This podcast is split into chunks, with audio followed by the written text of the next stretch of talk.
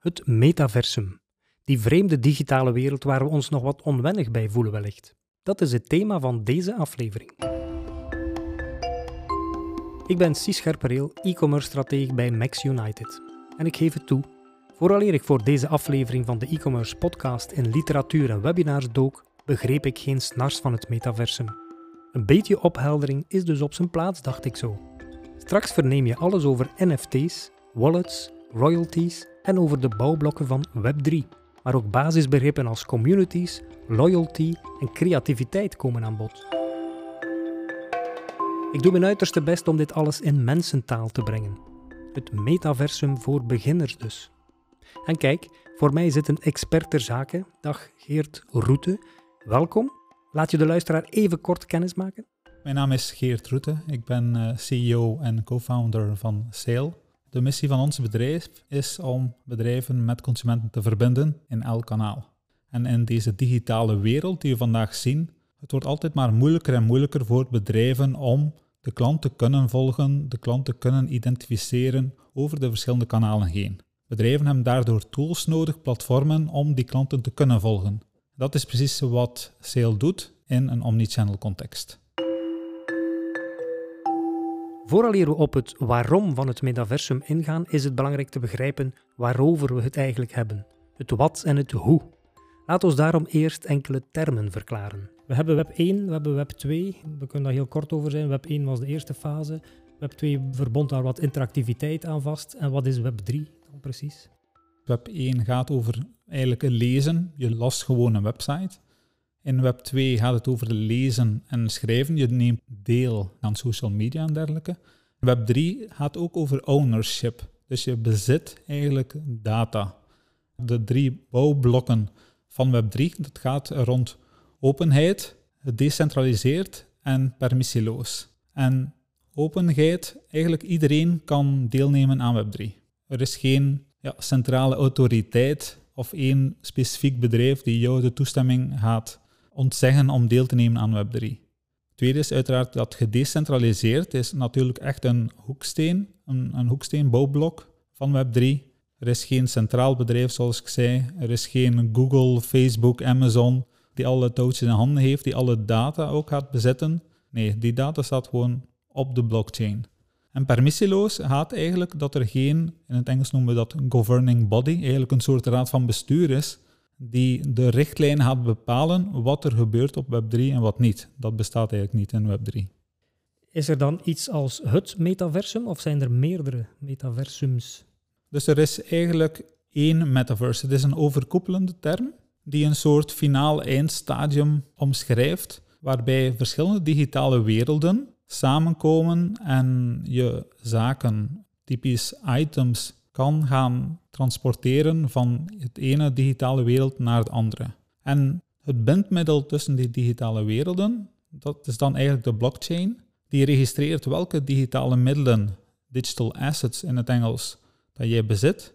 En je hebt daar dan in de ene digitale wereld toegang toe, maar ook in de andere digitale wereld. Dat is eigenlijk de finale eindstadium.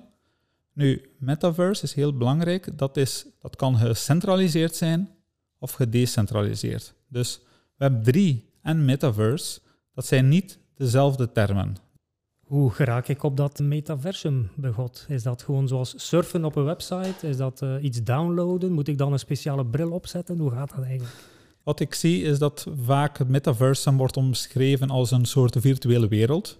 En het kan een virtuele wereld zijn waarbij je effectief een quest op je hoofd zet, zoals Meta. Ze hebben een bepaalde virtual reality bril, die noemt de quest. Dat kan je gaan doen dus via virtual eh, reality. Je kan via apps, dus met een uh, augmented reality, is ook een bepaalde interface waarmee je in de metaverse gaat. Maar evengoed kan je je browser gebruiken. Je zoekt naar bepaalde werelden zoals de Sandbox, Decentraland. Je kan je gewoon inschrijven online via je browser en deelnemen aan zo'n metaverse. De experience zal uiteraard anders zijn, want een van de zaken waarmee metaverse te koop loopt, is die immersive experience, die onderdompeling van echt in een andere wereld te zijn. Uiteraard, als je gewoon aan je, via een online browser die metaverse bezoekt, gaat die ervaring anders zijn. Oké, in Web3 bezitten we data. Er is één metaversum en verschillende digitale werelden waar we via apps of websites en al dan niet met die gekke 3D-bril op ons hoofd deel van kunnen uitmaken. Dan komen we bij NFT's, tokens en royalties. Hoe zit dat precies in elkaar? NFT's of non-fungible token is eigenlijk een unieke, noem het een soort muntstuk. Bitcoin is een voorbeeld van een fungible token. Dus ik heb een fungible token, jij hebt een fungible token. Ik kan die bitcoin met jou uitwisselen en betreft de waarde, de value van die bitcoin, dat gaat precies dezelfde zijn. Dus dat is een fungible token. Komen we bij NFT's, dus die non-fungible tokens, ja, dat is mijn token, mijn muntstuk, kan een totaal andere waarde hebben dan jouw muntstuk. We kunnen ze niet zomaar inwisselen. We zien daar ook drie typen van NFT's in. We zien emotioneel geladen NFT's. Dus de, de waarde is emotioneel. Het is zoals een schilderij als eh, Van Gogh of Da Vinci. Voor de ene is het 20 miljoen waard, voor de andere is het 10.000, voor de andere is het waardeloos. Dus it's in the eye of the beholder, zoals ze zeggen. Iedereen die al over de hype van NFT's heeft gelezen, heeft ongetwijfeld de Bored Apes gezien. Je kan ze Boring Apes noemen, maar in feite, is de Bored Apes, je hebt de CryptoPunks. Dus dat zijn allemaal emotionele. Nu, het tweede type van NFT's zijn identity NFT's. Dus die zeggen iets over jou. Bijvoorbeeld in de toekomst, je rijbewijs zou perfect een NFT kunnen zijn, die je in je digitale wallet op je telefoon bijhoudt. De derde zijn functionele NFT's. En daar gaat het rond de real world utility. Dus wat kan je nu echt gaan doen met die NFT's? En bijvoorbeeld loyalty zou je daar rond kunnen bedenken. Finance, die finance, bijvoorbeeld een huis, dat zou je eigenlijk kunnen verdelen, een huis van 10 miljoen. Hoeveel mensen kunnen een huis van 10 miljoen kopen? Waarschijnlijk niet veel mensen. Maar als jij die eigenlijk in stukjes zou kunnen kappen en elk stukje als NFT kan verkopen, dan kan ik, zelfs al heb ik geen 10 miljoen, toch een deeltje eigenaar worden van dat huis. En, daarover sprak je, die royalties eigenlijk een soort yield, een interest kunnen gaan verdienen op die NFT's. Het sterke punt aan NFT's ook is, is dat je NFT's kan dus doorverkopen, dus die royalties. Wanneer ik een NFT bezit, dan ben ik de enige beslisser die zegt wat er gaat gebeuren met die NFT. Ik kan die gewoon bijhouden en genieten van de voordelen die die NFT mij geeft. Maar ik kan beslissen om die te gaan doorverkopen op een marktplaats. En op het moment dat het wordt doorverkocht, dan kan de initiële maker van de NFT, die kan hebben ingesteld, kijk, elke keer als dit wordt doorverkocht, dan krijg ik bijvoorbeeld 10%.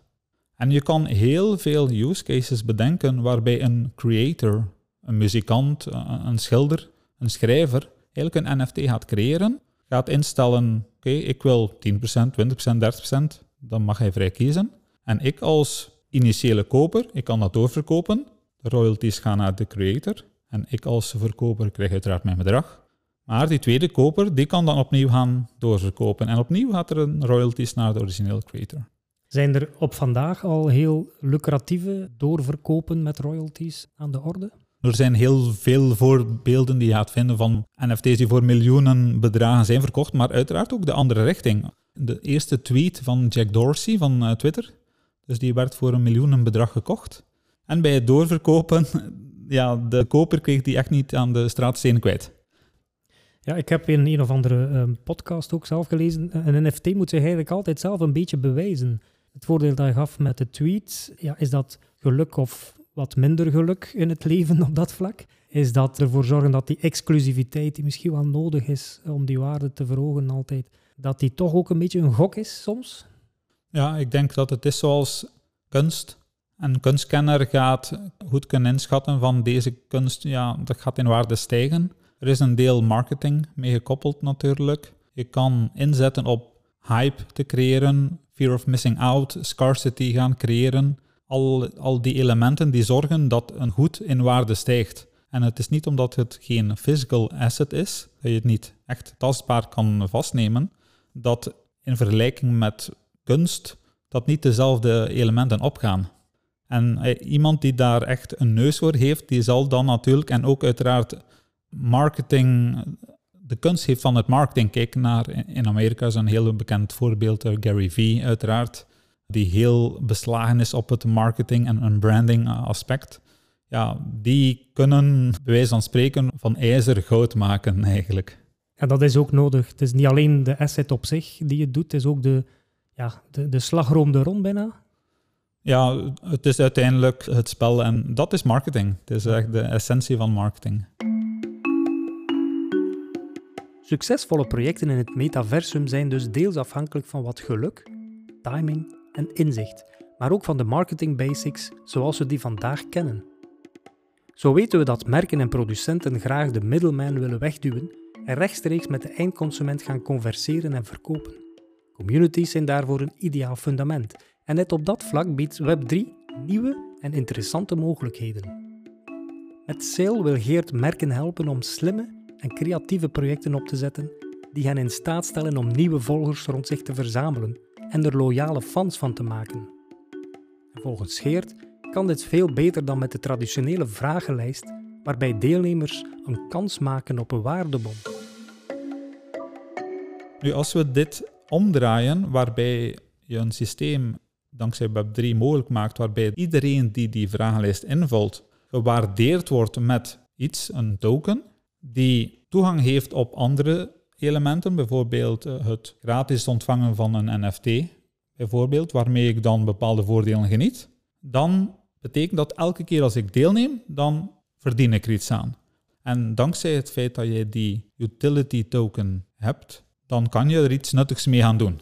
Eigenlijk in Web3, dat zijn nieuwe samenwerkingsmodellen om die community op te bouwen van mensen die samen, ik heb utility token van een bepaald merk, jij hebt utility token van dat merk. Wij zitten eigenlijk in dezelfde groep. En opnieuw, het, is, het draait rond de community en een merk kan daar ook op aan inspelen en echt die samenwerking gaan versterken. Een merk moet dan eigenlijk die, die community inderdaad wat stimuleren, moet daar ook uh, ja, worteltjes voor hangen. Is dat wat jullie benoemen onder engage to earn? Dat men eigenlijk met wat men heeft verdiend of verkregen, dat men daar ook iets mee doet, dat het leeft. Ja, alles hangt vast aan de utility, dus het nut van uiteindelijk om die token te hebben. Zonder nut uiteraard is er geen incentive om er iets mee te gaan doen. Maar het nut wordt wel door het merk aangereikt. Het nut wordt door het merk aangereikt, namelijk bijvoorbeeld jij kan die tokens gaan verdienen omdat je engageert. Bijvoorbeeld je laat een kassaticket op van iets dat je gekocht hebt. Je doet een online aankoop en waarbij je bewijst dat je mijn product als merk hebt gekocht. Je schrijft een Facebook review of een review op de webshop. Het zijn allemaal engagementen die je kan bewijzen. Daarvoor krijg je die tokens. En dan als merk kan ik zeggen, kijk, heb je bijvoorbeeld 500 tokens gespaard, dan kan je die inwisselen. Bijvoorbeeld, we gaan naar de Zesdaagse van Gent. In de wielerpiste heb je 500 tokens, dan mag je gratis binnen. Wij betalen dat. Nu geef je een voorbeeld waarbij dat de fysieke wereld, de echte wereld, met die virtuele verbonden wordt. Is dat het ultieme opzet van uh, de metaverse? Die vervaging van die digitale en die fysieke wereld, die gaat altijd maar sneller en sneller gaan. Een heel concreet voorbeeld, wat we McDonald's wil doen, dat je in de metaverse, in een virtuele wereld, virtuele digitale wereld, een bestelling doet. Je bestelt een, ja, de Big Mac en, en dergelijke. En tien minuten later staat de delivery driver aan je deur aan te bellen.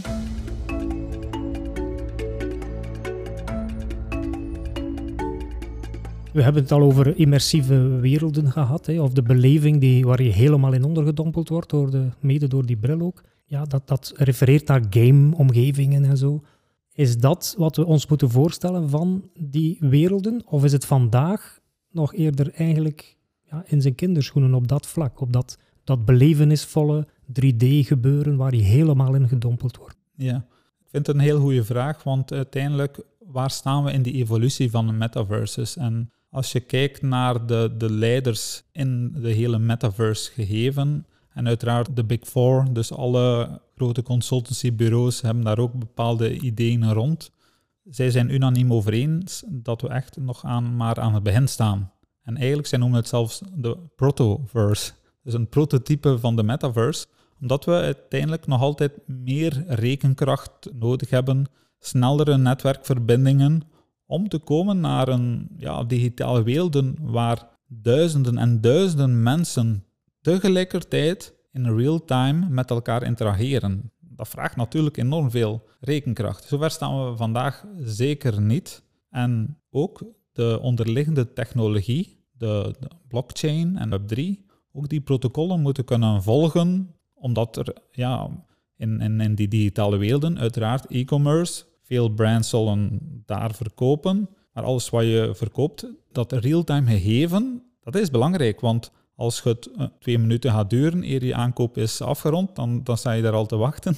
en dan ga je een virtuele uh, queue gaan creëren in, ja, in een bepaalde virtuele shop. Dus dat willen we niet. Dus, uh, dus daarom, alles staat nog in zijn kinderschoenen en alles gaat zich nog verder ontwikkelen daar. Het metaversum is nog niet af. Integendeel. En dat is goed om weten. Maar wellicht is dat de reden waarom Vlaamse KMO's er nog niet echt wakker van liggen. Kan of moet ik er als ondernemer vandaag al iets uitspoken? Wat moet ik kennen, weten en doen als KMO? Ja, dus vandaag zien we dat bij KMO's vrij vroeg is, laten we eerlijk zijn. Wij als bedrijf wij hebben aardig wat projecten nu lopen in Amerika. Maar ook in België hebben we een aantal restaurantketens. Waarom restaurantketens? Omdat wij als bedrijf ons heel sterk de voorbije jaren uh, hebben samengewerkt met een aantal restaurantketens.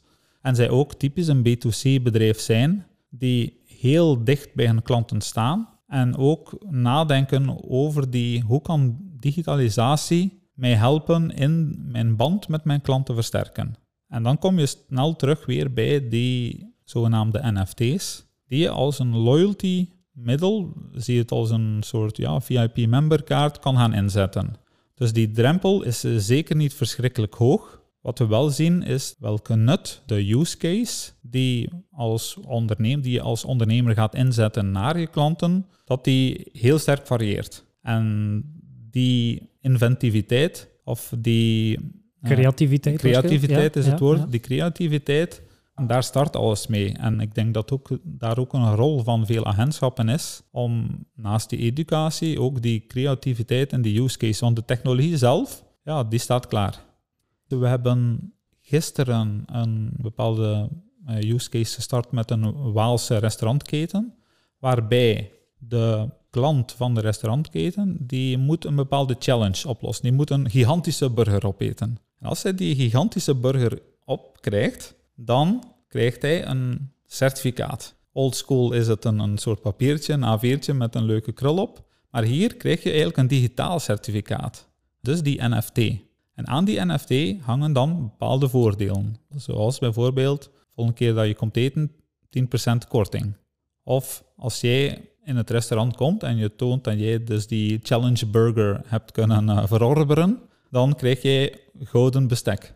Je kan het zo gek niet bedenken. Het blijven creatieve use cases. En dat is dan opnieuw de ondernemer die eerst rond die use case moet gaan brainstormen met zijn team en met zijn, met zijn agentschap. En die NFT's zijn puur een bewijs voor de klant, voor de consument, dat hij eigenlijk recht heeft op de benefits die jij als ondernemer kan gaan definiëren. Maar die benefits kan je ook elke maand bijvoorbeeld veranderen. En dat is natuurlijk het sterke, want als je dan vergelijkt met traditionele loyalty-programma's, dan weet je dat die al snel een pak geld kost als je nieuwe ideeën hebt, maar de app-developers moeten dat er allemaal insteken, dan moet gecommuniceerd worden en dergelijke.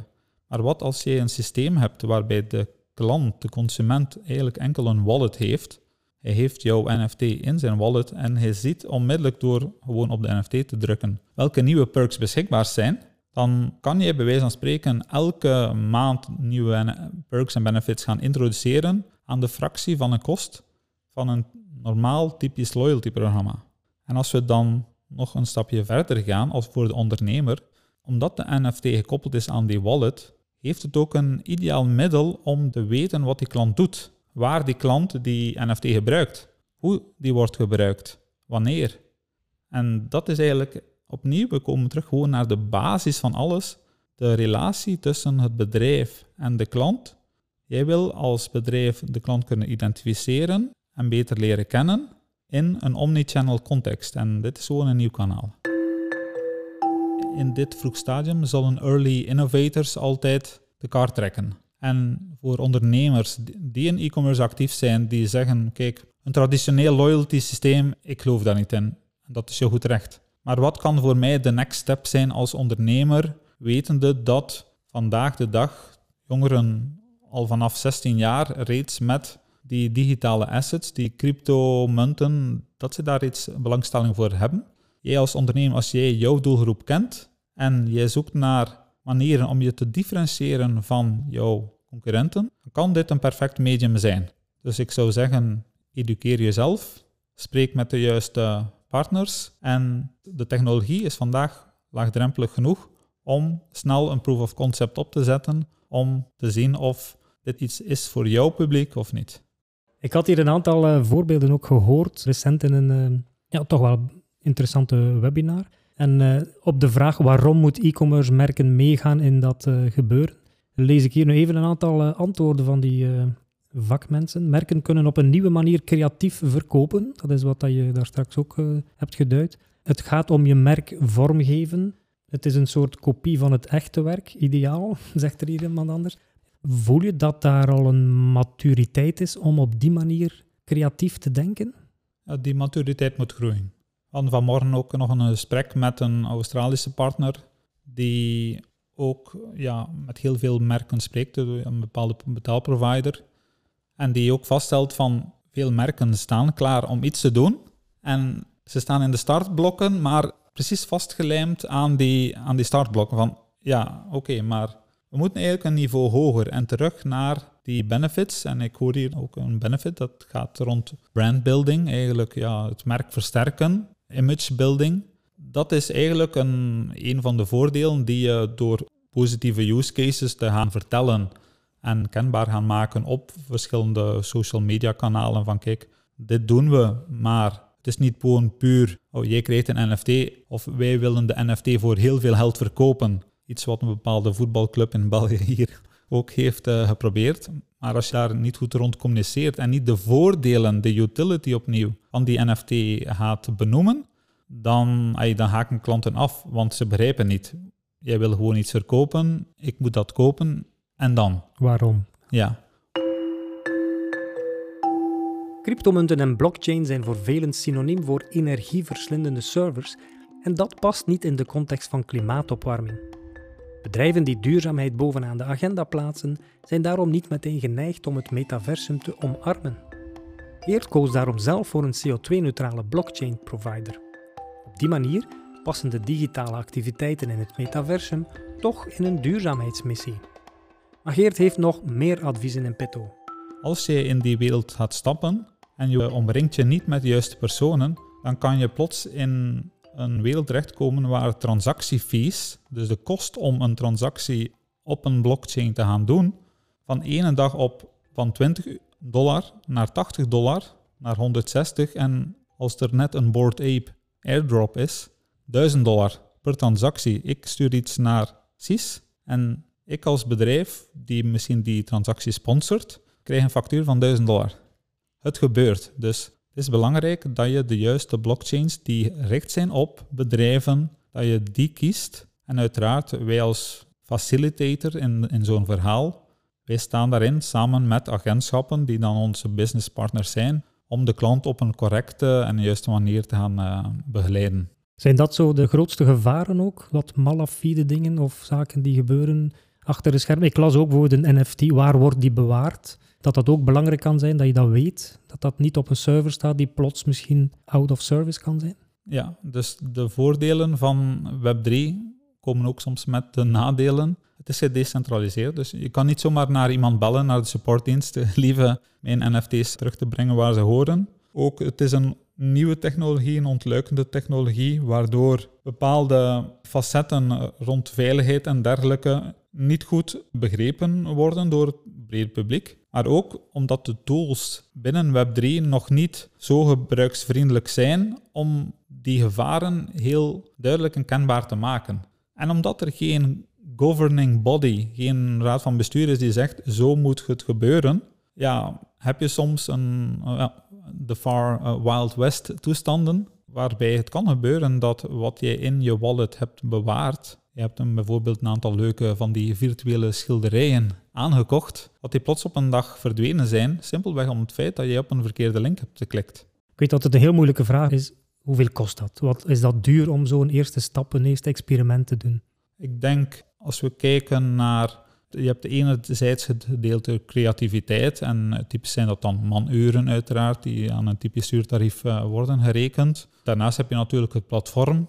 De platformkosten die starten bijvoorbeeld van een 500 euro per maand. Zelfs als je een piloot wil doen of proof of concept, we spreken hier niet van honderdduizenden euro's die onmiddellijk moeten worden uh, out of pocket worden gelegd. Ik denk dat je met een budget van 5 tot 10.000 euro al een leuke aantal stappen kan gaan zetten. Zijn er mooie Belgische voorbeelden?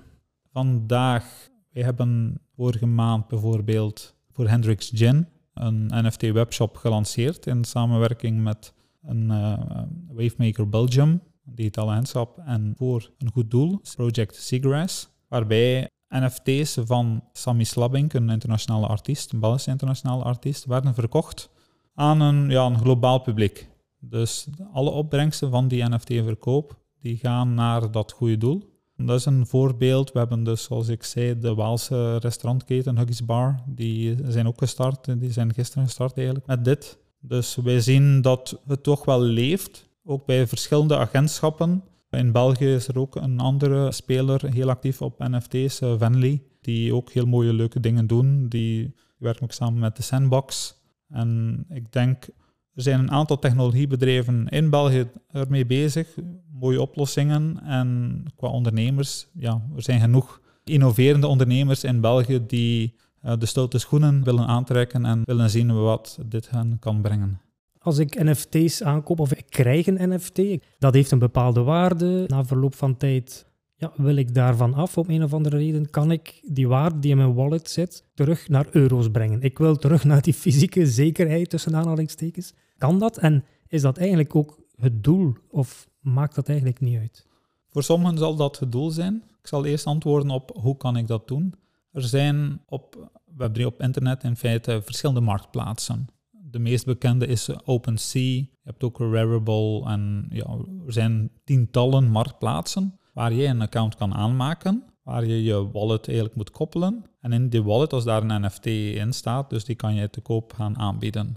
Dat geld wil je eigenlijk terugbrengen naar ja, tastbaar geld, leuke eurotjes in je zak. Daarvoor heb je dan platformen zoals Binance, waar je een account moet gaan aanmaken. Zij zullen kijken wie ben je eigenlijk dat je beweert dat je bent. Zij zullen dat doen, eenmaal dat je een account hebt, kan je die twee gaan koppelen, je wallet en je Binance account. En verkoop je uiteindelijk je NFT op zo'n marktplaats, dan krijg je daar typisch cryptomunten voor. Een bekend is eh, Ethereum, waar, en dat is een crypto-munteenheid. Die kan je dan eigenlijk gaan omdraaien naar euro's. En die euro's kan je dan gewoon naar je eigen bankrekening gaan overschrijven. Dat proces is vrij zwaar en lastig, moeizaam.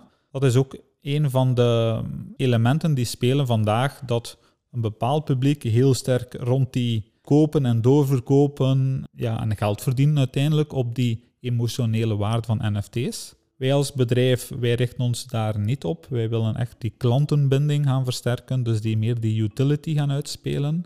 Wij geloven daar heel sterk in dat bedrijven daar nog maar echt in die startblokken staan. En al het gegeven rond die ja, speculeren uiteindelijk, ja, we, we kunnen er naar kijken, we kunnen ons soms in het haar krabben, maar ja, het is wat het is.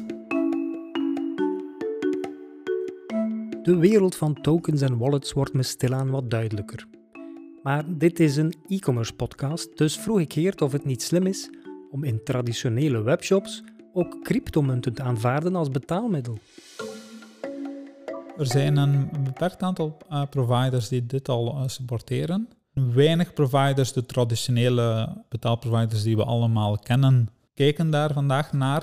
Sommigen beweren dat ze het al doen, maar ik spreek uit ervaring, de processen die je moet doorlopen bij traditionele betaalproviders zijn zo zwaar dat het de facto betekent dat je het niet kunt doen.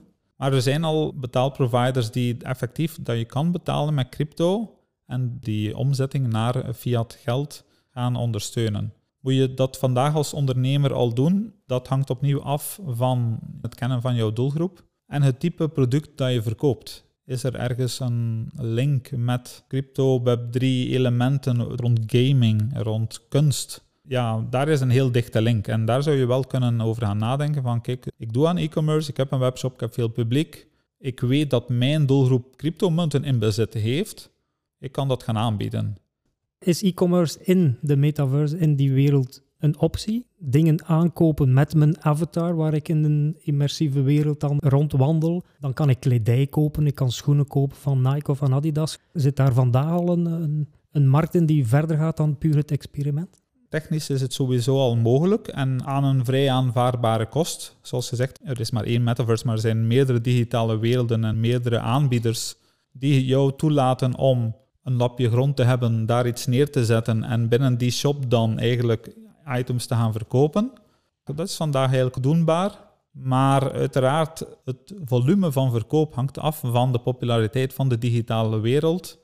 En, de sterkte van het merk, ongetwijfeld. Ja, en alles draait rond marketing uiteindelijk in Web3. Ben je niet goed in marketing, kent niemand je brand, dan vrees ik ervoor dat je, of je in een digitale wereld gaat verkopen of online, dat gaat dezelfde uitkomst zijn. Ik hoorde recent nog een mooie case van schoenmerk Jan Jansen. Ik weet niet of het u bekend is. Ik ga het heel kort schetsen. Jan Jansen is een, een schoenmerk. Iemand heeft dat merk overgekocht en er blijkt een privécollectie te zijn van 400 unieke schoenen. Maar werkelijk, het zijn bijna kunstwerken eigenlijk. Het is een collectie, dus het zit heel dicht bij kunst, maar het zijn toch schoenen. Ze hebben die schoenen gedigitaliseerd en nu verkopen ze eigendomsrecht, NFT's, voor die virtuele versie van die schoenen. Eén, omdat ze die schoenen fysiek niet moeten verkopen of wat dan ook. Is dat een creatieve oplossing om één, het merk neer te zetten in die nieuwe wereld? En twee, om ook ja, geld te verdienen aan dat soort eh, ja, waardevolle collecties? Ja, ik vind het een prachtig voorbeeld eigenlijk van ondernemerschap, die eigenlijk ja, meesurft op nieuwe mogelijkheden die zich openen. Als je nadenkt over wie vandaag actief is in die crypto Web3 wereld, dan gaat het over mensen die dus die kunst, die emotionele waarde, maar ook dus begrijpen wat die emotionele waarde kan betekenen voor iemand anders. Dus die collectibles, zij kopen, ik koop in dit geval één of meerdere van die schoenen, maar ik koop die natuurlijk niet, ik kan ze niet aandoen. En er zullen waarschijnlijk geen benefits zijn in die zin van, als ik naar de winkel ga, krijg ik 10% korting. Dat gaat niet gebeuren. Dat zou kunnen gebeuren, maar hier gaat het echt om een collectible. Ja, die aankopers, die handelaars, die gaan dat dan weer doorverkopen. En als je dan slim de royalties hebt ingesteld, dan kan je dat echt als een, ja, noem het een, echt een machine die, die in hang zet, die altijd maar bij elke doorverkoop opnieuw geld genereert. En in termen van inkomstenstromen is dit een perfecte case die innovativiteit combineert met juiste timing en het creëren van inkomsten. Het is niet alleen leuk om innovatief te zijn en iets van marketing en PR te doen, dat is leuk. Maar uiteindelijk, als je daar een financiële component kan aan, koppelen op een goede manier, dan ja, opent dat een zee van nieuwe mogelijkheden.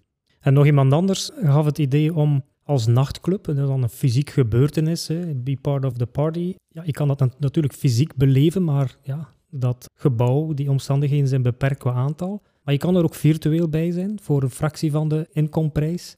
En dan beweert die persoon, ja, dan heb je op zich, zelfs in het volledige virtuele gebeuren waar je wat voor betaalt, ja, geen parkeerwachters nodig, geen parkingproblemen, geen buitenwippers, noem maar op. Dus dat is dan wat hij benoemt als een perfecte kopie van het ideale, van het echte werk. Ja, ik denk ook een Belg, Reinhard Delille, die is ook met zoiets bezig. Soundstorm Online uh, noemt het. Waarbij je bijvoorbeeld theater in Brugge bijvoorbeeld kan gaan bezoeken volledig virtueel, maar ook in interactie treden met andere bezoekers. En hij had het voorbeeld van een uh, Polonaise die dan werd gedaan door alle virtuele bezoekers doorheen de zaal. En dat zijn nieuwe entertainmentvormen waarbij je toch wel in high quality, want dat is dan natuurlijk wel belangrijk, dat je het concert kan mee uh, beleven vanuit je luie zetel. Wat, niet meer in de zetel, dan sta je daar zelf alleen in je living de Polonaise te dansen met je bril op je hoofd. Precies. Ja. Oké, misschien zijn we daar nog niet helemaal klaar voor, maar goed. Met dit kleine duwtje dat we in de podcast hebben proberen te geven, uh, lukt het misschien wel. Ik heb geleerd, of ik onthoud in elk geval, dat creativiteit absoluut een heel belangrijk component is om ergens een stap te zetten in dat experiment in de metaverse. En dat het voor de Vlaamse KMO belangrijk is om zich te informeren, om mee te zijn met die trein die eigenlijk al een tijdje aan het rijden is. Hè? Omring je met de juiste mensen, met de juiste expertise en zorg dat je de nodige creativiteit aan de dag legt en nieuwe wegen gaan openen, zou ik zo zeggen. En ga eens surfen op sailcloud.com voor meer informatie daarover. Geert, super bedankt om uh, dit in mensentaal uh, te komen uitleggen bij ons. Dat is mijn plezier. Bedankt om deze aflevering tot het gaatje mee te volgen. Nu kan je zonder schroom meepraten over de do's en don'ts in het metaversum. Pak er dus maar eens stevig mee uit. Blijf ons volgen en deel gerust de link met collega's en vrienden. En zoals steeds een dikke merci aan Bpost om de e-commerce podcast te steunen.